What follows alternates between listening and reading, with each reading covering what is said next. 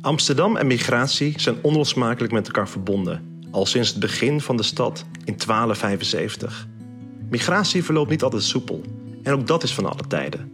Maar migratie brengt Amsterdam veel en zorgt ervoor dat Amsterdam de dynamische, open, veelkleurige wereldstad is die zij vandaag de dag is. Het DNA van Amsterdam wordt gevormd door de talrijke gemeenschappen en culturen die de stad rijk is, met elk hun eigen verhalen.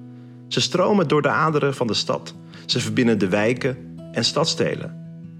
Amsterdam Stroom deelt verhalen van Amsterdammers met verschillende achtergronden. Verhalen uit het verleden, over het heden en de toekomst.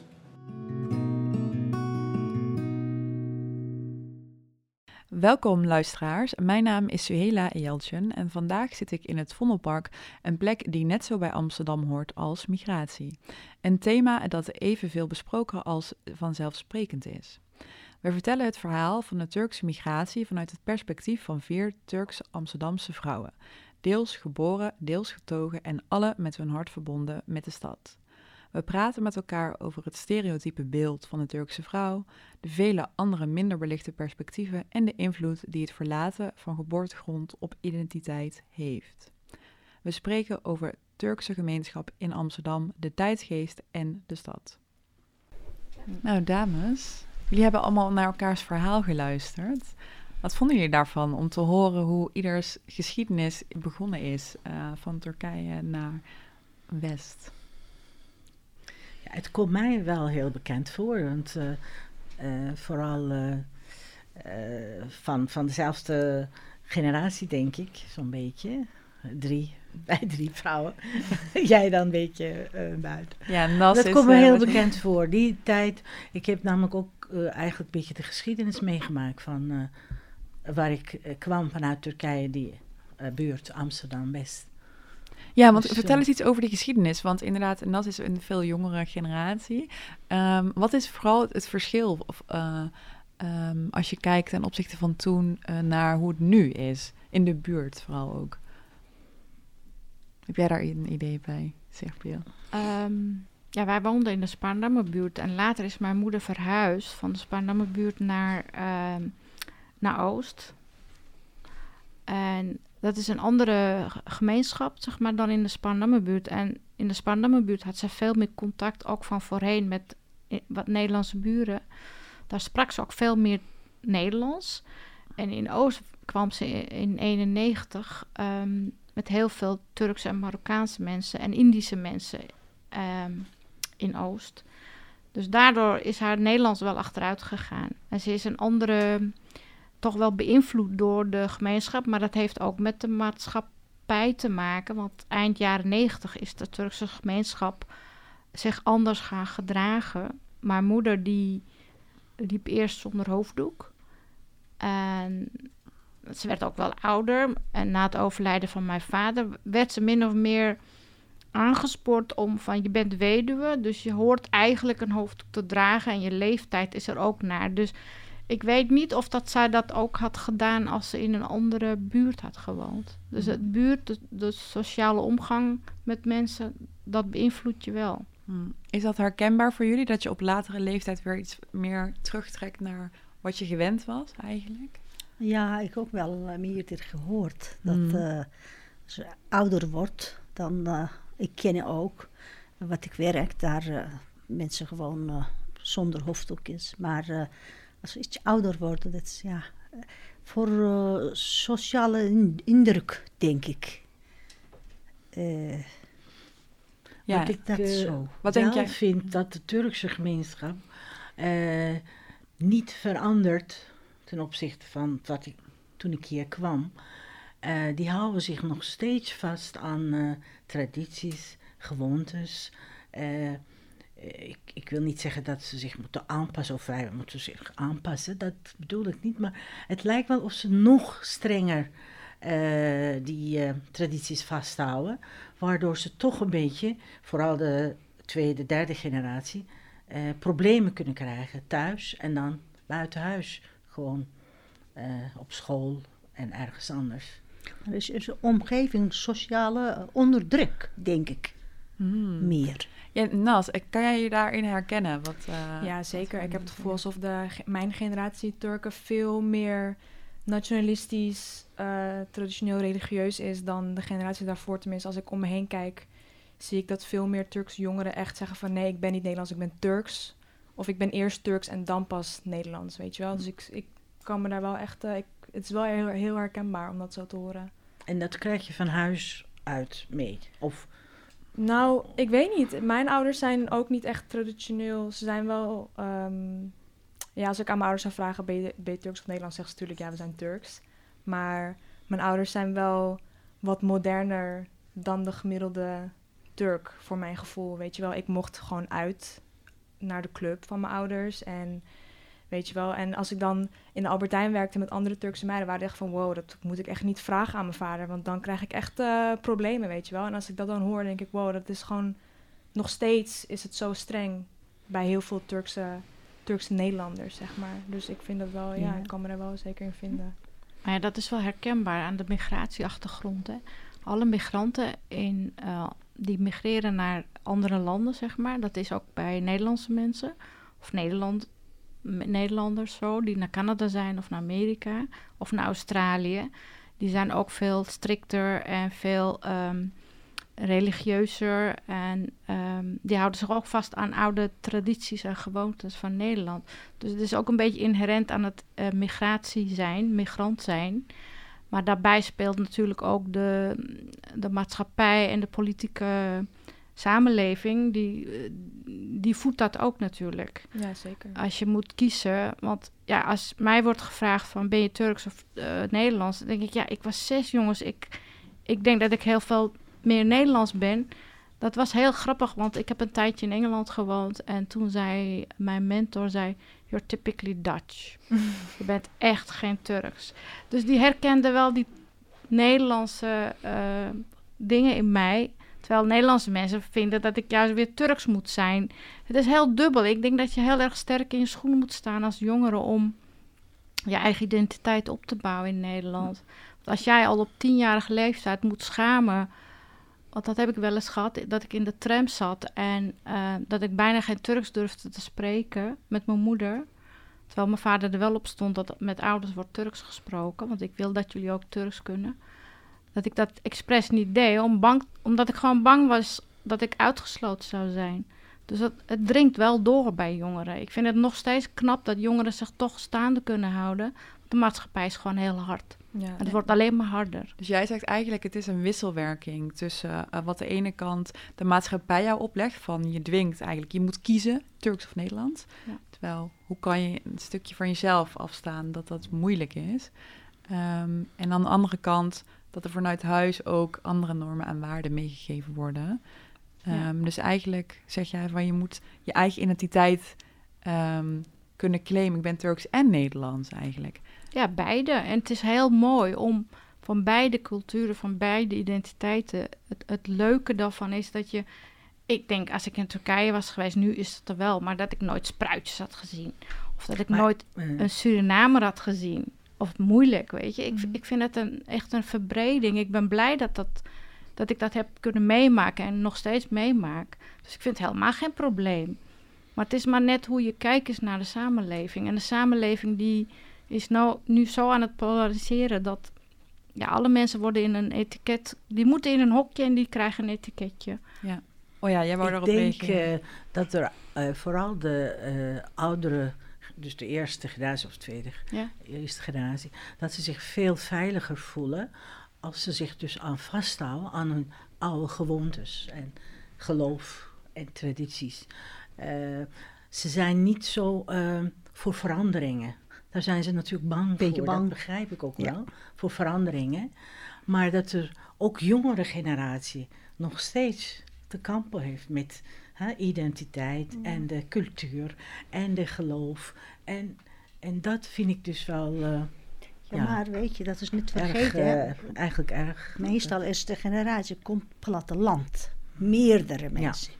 Dat Dus klopt, ja. heel, eh, ja, het is zo moderne mensen, dat is bijna niet. Nee, dus heel de weinig. contractarbeiders komen van het platteland. Platteland, die waren meestal. al wat traditioneel. Omdat het is armoedig. Ja. Kom hier geld verdienen Ja. een paar jaar, dan terug naar eigen land. Ja. Zo'n idee.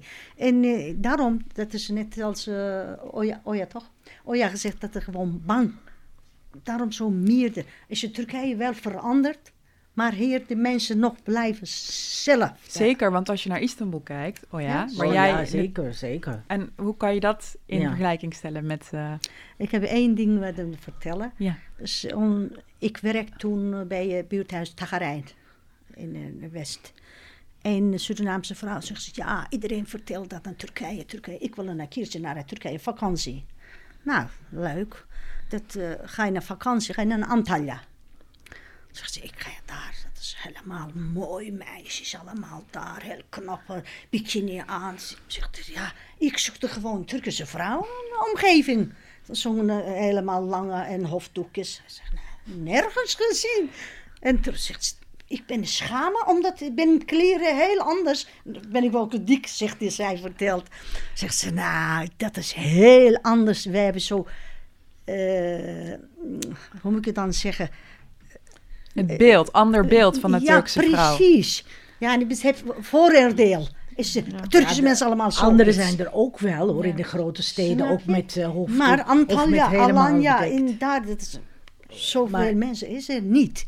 En Dus de echt vakantieplekken, traditioneel. Vakantieplek. eh, dat zijn... ja, eh, de vrouw vertelt dat ze terugkomt, ze, zo gelachen, zegt ze, ik ben schamen voor, voor zichzelf, van niet met mijn kleren of met mijn eh, lichamen, weet je wel. Zegt ze, allemaal mooie meisjes daar, allemaal eh, knappe meisjes, Turkse, helemaal veranderd. Ik denk dat het nog heel- niet de Turkije. Maar echte Snap Turkse je? meisjes, want in Antalya zijn er heel veel Russische meisjes. Uit Rusland. Nee, stal, ja, maar nee, de, de vrouw vertelt zo. Ja, nee, meestal komt het platteland.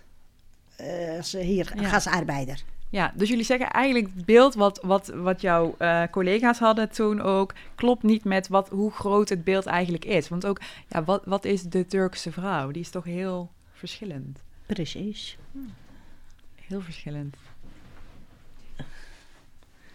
Wil iemand daarop reageren?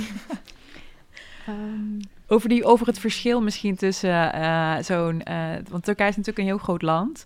Ehm, en waarom denken jullie dat, dat ehm, eh, die beelden van die vrouwen in Antalya of, of in Istanbul... het niet halen in Nederland? Hoe komt dat? Eh, we zijn er ook wel, natuurlijk. Het Ja, want jij bent natuurlijk een zo. voorbeeld van Ja. iemand die op een andere manier... er wel. Heel weinig. Ehm, Dus. Van wat ik zeg, bepaalde generatie denk ik, een bepaalde leeftijd. Hmm. Eh, dat is eh, wat je ook net zei van als je ouder wordt, of dat zei Serpil geloof ik, als je ouder wordt dan wordt het verwacht van eh het Turks gemeenschap dat je je hoofddoek draagt of dat je iets anders draagt en dat soort dingen. Maar ik geloof dat er ook in Turkije, het is wel veranderd, maar toch heel veel invloed van de politiek op het ogenblik, de religieuze eh, staatsleden. Ja. Of de, of de eh, premier, de ministers en allemaal dat. eh, Ja, het zijn best wel Man. zorgwekkende dingen in Turkije aan de hand. Ja. Ehm, zijn jullie daarmee bezig? Wilt jij, Nas?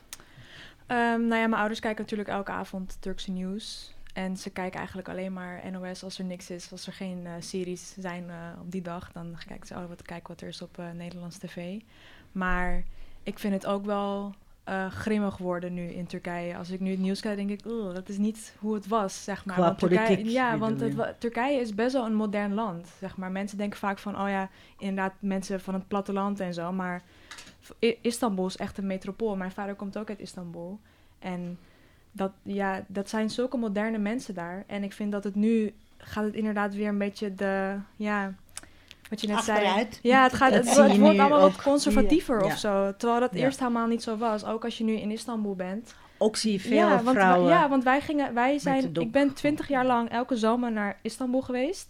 En elk jaar is het, het is toch, als je, inderdaad, vorig jaar was ik dan weer gegaan. En het is toch, eh, ja, het is echt veel grimmiger dan eerst. Je hebt ook zo'n soort van, er hangt ook zo'n andere ja, vibe in de lucht of zo als je daar nu bent. Het is heel anders dan vroeger. En dan ja, dat merk je wel echt hoor. Zeker, zeker. Ik merk het ook iedere keer. Hm. Maar dat is dus door dat eh, eh, veel meer eh, eh, geloof dat veel meer invloed krijgt, ook via de politiek. Maar geloof Dat- dan, veel geloof, denken jullie dat geloof ehm, betekent dat iets achteruit gaat of minder ontwikkeld is? Of zijn het ook andere dingen? Maar het is ook wat de media je oplegt. Hè. Ik wil eigenlijk weer terug naar Nederland, omdat we hier leven. Hmm. Natuurlijk heeft eh, Turkije invloed. En zelfs op de derde generatie hoor ik van haar. Ehm, kijk, je moet het in perspectief zien. Een hoofddoek, het is ook een beeld wat de media gecreëerd hebben. Hoofddoek hoeft niet altijd te zeggen dat je ehm, dom bent of niet gestudeerd hebt. Dat beeld wordt steeds geschetst. Of dat je heel erg eh, conservatief bent. Dat hoeft het niet te zijn. En is- ik denk dat er zat jongeren zijn die wel een hoofddoek dragen. En die op de universiteit zitten en die best wel gebekt zijn en heel goed eh, de samenleving meedraaien. Behalve dan dat ze een hoofddoek hebben. Ik denk dat we. Er zitten heel veel facetten tussen. Je kunt het niet ehm, zwart-wit beschrijven. Mijn moeder heeft bijvoorbeeld heel lang eh, geweigerd om satelliet te nemen. Puur omdat ze gewoon Nederlands tv wilde kijken. Zij kon echt de ministers opnoemen van de Tweede Kamer. Die keek altijd naar het NOS, naar Brandpunt en dat soort programma's. Omdat ze bij wilde zijn in hoe het in Nederland toeging. Want ze zei altijd: Oké, als ik daar ben, ik spreek Turks en ik zie mijn bekenden, prima, maar daar meng ik me niet mee. En ik denk dat we dat meer moeten doen. Ik heb dat als echt voorbeeld genomen. Want je leeft hier, waarom moet je je zo bezighouden met een land die 3000 kilometer verderop zit? Het zijn je roots. Je gaat daar op vakantie. Als je daar gaat wonen, denk ik, nou prima, doe maar mee. Maar voor de rest zou ik zeggen, ja, volg hier gewoon de politiek. Want hier leef je. Ja, maar dat, eh, dat is dus eh, niet mogelijk, omdat de Turkse mensen hier ook allemaal toch, hoe dan ook via media, via televisie, Turkse televisie, toch volgen en eh, onder de invloed zijn. En ik heb het niet alleen over dat hoofddoek hoor, dat is natuurlijk, dat, ja, dat is uiting van je geloof eigenlijk, maar dat, eh, dat mag je zeker in zo'n vrij land als in Nederland, mag je zelf weten. Maar ik bedoel eigenlijk meer door het geloof dat eh geïndoctrineerd wordt, al die eh, eh, geloofsregels, zeg maar. Dat, dat, dat bedoel ik. Dat is dus De cultuur die nog eromheen steeds, hangt. of zelfs veel erger geworden, ook hier Hm. in de Turkse gemeenschap. Ja. He- ik. heb een vraag. Hebben jullie die serie uh, Bir Başkadır gezien, toevallig? Iemand? Birbaşka? Bir Başkadır. Hebben jullie die gezien? Ah, ja, ja, ik heb het gezien. Ja, Ja. ja heel En mooi. Heel mooi. Die is heel mooi, hè? Want die toont eigenlijk alle verschillende Ja, vrouwen. precies. Kan jij er uitleggen aan de rest wat een beetje wat die serie over gaat? Eh, ja, wat ik me kan herinneren, dat was dus een eh, jonge vrouw met de hoofddoek. Die werkte voor een eh, psychiater. En ehm, die, ehm, dus die zat er zelf wel mee met, met, met niet alleen met de hoofddoek, maar ook met eh, alles, as- alle aspecten van, van buitenaf. En thuis eh, was ze ook eigenlijk door, zijn, door haar broer en zo. Hmm. Wel eigenlijk min of meer druk uitgeoefend dat, hij dat, dat ze dat moest doen. Maar eh, zij had daar psychisch last van. Ja, eigenlijk breekt die, aanvallen se- ja, En eh, medisch moest ze behandeld worden. ja, En, eigenlijk breekt die serie met alle stereotypen. Hè? Want eh, zij is een, inderdaad een vrouw met hoofddoek en dan komt ze bij een psycholoog. en dan is het eerst moeilijk, mag je eigenlijk psychische hulp krijgen als je gelovig bent? Want, hè? Want ehm, dan gaat ze dus naar de imam, dan vraagt ze dat. Maar ook hoe de psycholoog eigenlijk een vooroordeel over haar had. Van dat is een vrouw met een hoofddoek, die zal wel stom zijn. En dan denkt die psycholoog, oeh. Dus ja, maar zelfs heb ik net pas eh, met mijn buurvrouw meegemaakt. Ik kende mijn buurvrouw, Turkse buurvrouw, jonge vrouw. Met eh, wel vijf kinderen, maar goed. Zij was altijd heel erg eh, bedekt met de hoofddoek. Dus echt zo, je hebt verschillende soorten hè, modellen van hoofddoek. Dus dat je dan denkt van heel eh, serieus, heel gelovig en helemaal eigenlijk onder de plak van, van haar man en zo. Die heb ik altijd zo gezien, meegemaakt. Maar ik wist dat ze dan eh, heel veel ruzie hadden en ging scheiden of wilde scheiden en zo. Dus heel veel problemen met haar man. En laatst zag ik haar naast mijn huis, dus voor ons. eh, helemaal geblondeerd haar.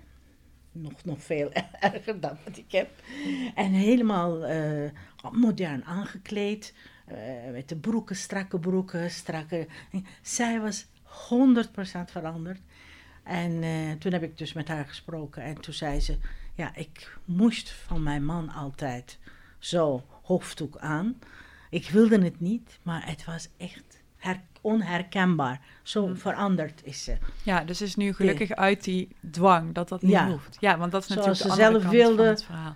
Dat is wel een beetje extreem natuurlijk opeens meteen. Ja, heb maar je twee kanten. zij was echt eh, niet... Zij is niet... eh, Ik ook kennen dat is zo Ja. een verhaal. maar ook precies dat hoofd, dus binnen hoofd is veranderd. Ja, precies. Dat is veel belangrijker, Dat vind is- ik zelf. Ja, zeker. Dat uiterlijk, ja, dat kan je wel allerlei zelf dingen doen. ja. Maar dat binnen, de hoofd, binnen haar hoofd is ook veranderd. Ik heb ook eigenlijk nog een vraag ook aan, aan jullie allemaal. Eh, wat vinden jullie, ehm, hoe is dat voor jullie gegaan dat hè, Amsterdam is ten opzichte van de rest van Nederland veel eh, meer multicultureel? Was dat voor jullie een voordeel? Dat er heel veel verschillende mensen van heel veel verschillende achtergronden waren hier in West? Ja, ik vond het wel heel fijn. Zo'n, nog steeds, zo'n multiculturele stad. Ja, ik vertel het ook heel graag in Turkije. Eh, weet je wel dat ik in een stad woon van 750 verschillende eh, culturen of, of rassen, of nou ja, cultuur eigenlijk. Dat ik dat geweldig vind, echt. Dat het zo in harmonie gaat, toch wel, meestal. Meest geval. Ja, het is wel leuk. Ehm, wat ik net ook zei van... eh, als ik in Turkije was geweest, had ik nooit een Surinamer misschien gezien. Ik vind het heel leuk, ook de manier, hun omgang. Ehm, maar ik vraag me af hoeveel de Turkse gemeenschap van de eerste en de tweede generatie, misschien de jongeren nu wel, van andere culturen weten. Ze leven wel met elkaar, maar ik vraag me echt af, want je ziet dus bij wat, wat, wat u vertelde, dat Surinaamse mensen net zo, net zo denken, zeg maar, als de media voorspiegelt over Turkse mensen. En andersom denk ik ook. Want eh, er kwam een tante vanuit Düsseldorf een keer naar ons toe. En die zei, omdat mijn moeder dus in Oost woont en heel veel Indische en Surinaamse mensen daar wonen, die zei: Oh, wat hebben jullie veel zwarte mensen hier? Dat was dus in Düsseldorf niet zo. Dus je ziet wel dat ook in, de, eh, ook in die eh, culturen, zeg maar, men Komt elkaar heel ook, niet kent. racisme voor. Heel veel racisme en vooroordelen ook weer eh, spelen. Ja, was er ook een vorm van een verbinding wel? Ja, ik wil er even op ingaan van Serp. Eh, uit onderzoek is gebleken dat de Turk, Turken Ja. veel meer en makkelijker met Surinamers en Antillianen omgaan. Goed. In Amsterdam dus. Dat, dat vind ik wel. Waar heel ligt dat aan, denk jij? Ik denk toch een beetje dezelfde mentaliteit. Van muziek houden, van dansen houden. En van, met alle Denk Turken, je- denk ik dat, hoor. denk ik, dat denk ik wel. Dat het eh, veel beter gaat dan eh, ja, Marokkanen of zo. Ja, wat denk jij? Hoe denk jij daarover, Jasmin? Ja, Want jij Ja. bent ook natuurlijk eh, met jouw collega's en jouw buren. nou, Allemaal. ik vind het wel heel leuk, multicultureel. Ik heb zoveel mensen. Het is, eh, wij gaan naar ook Marokko geweest. 26 vrouwen, allemaal. En eh, Suriname, Turken, Marokkanen en eh, nog meer Antillianen geloof ik, één vrouw. Dat is groep vrouw, dat is nou, dat is echt leuk hoor. Dat is, als hoe meer mensen samen omgaan ergens naar vakantie of meer eh, dingen delen, dan eh, meer leren kennen voor een mensen of een land. Dat niet vooroordeel meteen. Ik, ik vertel dat de, de Suriname zegt ze echt vooroordeel. Ze zeggen, waar is deze Turkse vrouw allemaal hoofddoekjes en eh, lange kleren, weet ik veel. Ja, nou, een beetje mensen meer eh, zo makkelijk vooroordeel. Eigenlijk. Niet zo echt goed leren dit te kennen. Ja, en als je met z'n allemaal samen, dan kan je heel veel van elkaar leren. Precies. Er zijn Zoveel. ook eh, heel veel gemengde huwelijken. Hè? Hmm. Ja, want jij, ja, Turkse ben jij daar ook vrouwen een of? Turkse Ja. mannen. Met Ik ben daar een Marokkaanse product van. vrouwen Of Mijn- met Surinaamse vrouwen. Mijn dochter, getrouwd met eh, half Nederland, half eh Indi is, mm, Hin- Hindistan, India. Mm. India. Ja. India. Dus Ja. eh, Mijn schoondochter Ja. is een, uit Iran. Nu, dat is de tweede generatie, Ja. derde generatie. eh, is veel makkelijker dan ons. Zegt ze, ja, dat smaakt er toch niet uit. Dat is maar goed, Ja. goed hard. En Sama is goed. dus eh, Dat is het Laat maar zegt de omgeving niks mee te maken voor de buren. Laat maar, wat zegt ze tegen mij? En, eh, ja, dat is voor, wij hebben nog steeds onder de duim voor een eh, buurtomgeving eh masken. Dit is Ja. Druk. Druk. ja. on- onder druk, ja. Wat andere mensen zeggen. Ja, wat dan andere mensen zeggen. Wij leven voor een andere, niet voor je eigen. Maar tweede en derde generatie zegt ze, nou, is mijn leven. Laat het maar. Wat vind jij daarvan, dat eh, die generatie tweede, derde dat zegt? Eh, nou, ik vind het wel te goed, maar wij moeilijk het toch eh, even open. Omdat kennissen en eh, vriendinnen en familie allemaal ongeveer. Toch samen leven wij. Dat is Moest jij, een beetje, moeilijk. moest jij een beetje wennen toen jouw dochter zei, mama, ik wil Eh, Jawel, meteen- maar niet helemaal. Ja, Toch een beetje voorzichtig doen. ja, een beetje kijken van... Een beetje uh, uitkijken, dat eh, hoeft niet te wat te zeggen tegen, tegen de, onze kinderen, zeg maar, onze dochters. Altijd letten voor een andere. Eigenlijk moet ik het zo zeggen. ja. Is dat herkenbaar voor jullie? Nou, Nou, dat, dat, de jongeren nu... Oh, sorry. Nee, ga jij maar, want jij bent een van Jij de bent jongeren. jongeren. ja, precies. Nee, ik merk dat dat inderdaad de druk van de omgeving van Millet Nedijek in het Turks, van wat gaat iedereen zeggen, dat Ja. is nu, dat is wel nog iets wat heel veel mensen toch wel zeggen van, oh, maar wat als iemand je ziet buiten met iemand die niet Turks is of zo, weet je. Mijn zus is ook getrouwd met een Marokkaanse man. En eh, mijn moeder zei altijd van, ja, je moet wel weten dat het niet hetzelfde is om te trouwen met een Turkse man. Je moet toch wennen aan elkaars tradities en zo. Maar staan wel open ervoor. Ik bedoel, je woont in Amsterdam. Er zijn hier zoveel Ja. verschillende soort mensen. Het zou heel moeilijk moeten zijn om een man of vrouw te vinden als je zegt ik wil alleen maar met een Turk trouwen. Dan, Dus- dan ben je je datingpool wel aan het inperken. Ja, dat, ja, ik weet niet. Ik vind het zelf altijd een beetje, ja, misschien omdat ik van een andere generatie ben. Ik vind het zelf niet echt belangrijk wat iemand is. Als het maar inderdaad een goed persoon is, dan zou het niet moeten uitmaken of iemand Ja. eh, Turks of Nederlands of Surinaams of Antilliaans of Nou, maar ik merk. Ja, wel ouders dat geloof daar een rol in speelt. Ik denk dat de Marokkaanse of de Turkse gemeenschap, als ze dan vrienden, hè, als ze verkering krijgen of zo, dat die veel meer naar elkaar neigen vanuit de islamitische geloofsovertuiging of vanuit de geloof, de islam, of, of Syrisch of Egyptisch. Dus ehm, de cultuur komt pas daarna. Dus dan, dan is het eigenlijk ook niet oké, want dat heb ik wel in de omgeving wel eens meegemaakt. Maar omdat het dan toch islamitisch is, tussen haakjes, dan vinden ze het toch maar goed. Ik vraag me dan af, als je dus andere, ehm, andere katholieken was, of een, een, een, een protestant of een christen, die- dat geloof kennen ze niet, alleen van vooroordelen. En dat maakt het wat lastiger. E- En het wordt ook lastiger, denk ik, als een Turks meisje met een ander gelovige van andere ras komt dan een Turkse jongen. Bij jongens wordt dat eerder Dat- geaccepteerd. Zeker, Hmm, ja. ja, hoe denken jullie daarover? Klopt dat?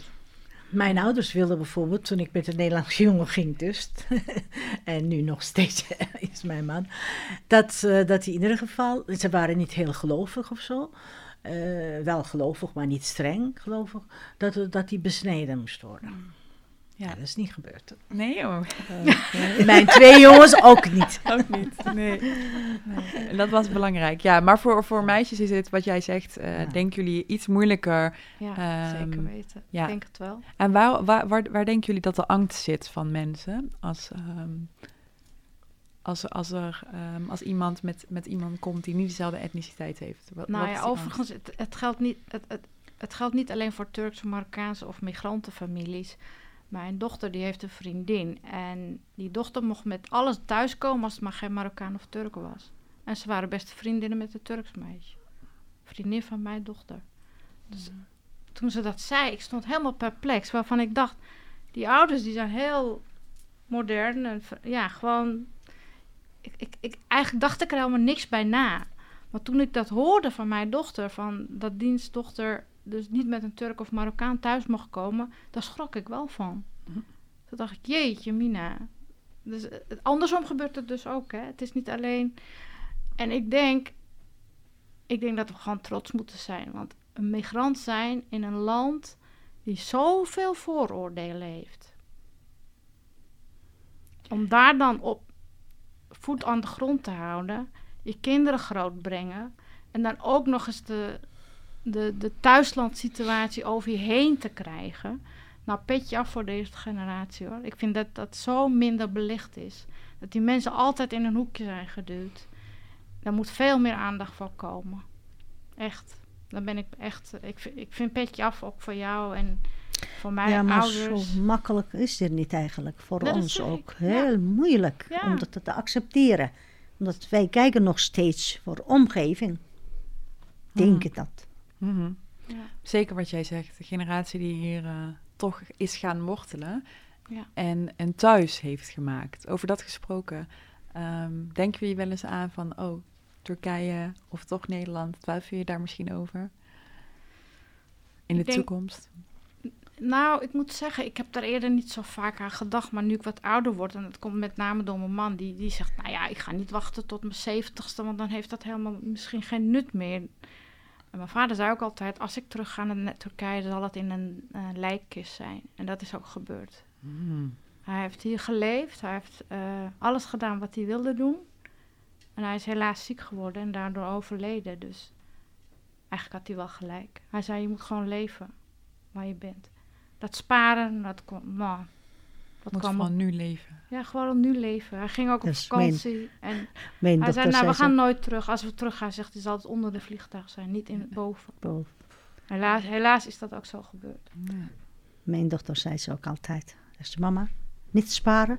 Als je geld hebt, meteen opmaken. Ga je naar op vakantie. Dat is wij hebben niet zo geleerd.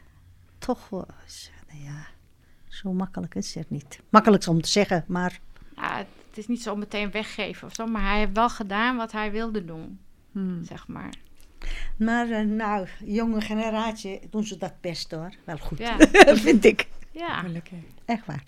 Mooi, mooie woorden om eh, dit gesprek mee af te Ja. sluiten. Dank jullie wel oké. voor jullie tijd en verhalen. Dit verhaal maakt onderdeel uit van de podcastserie Amsterdam Stroomt.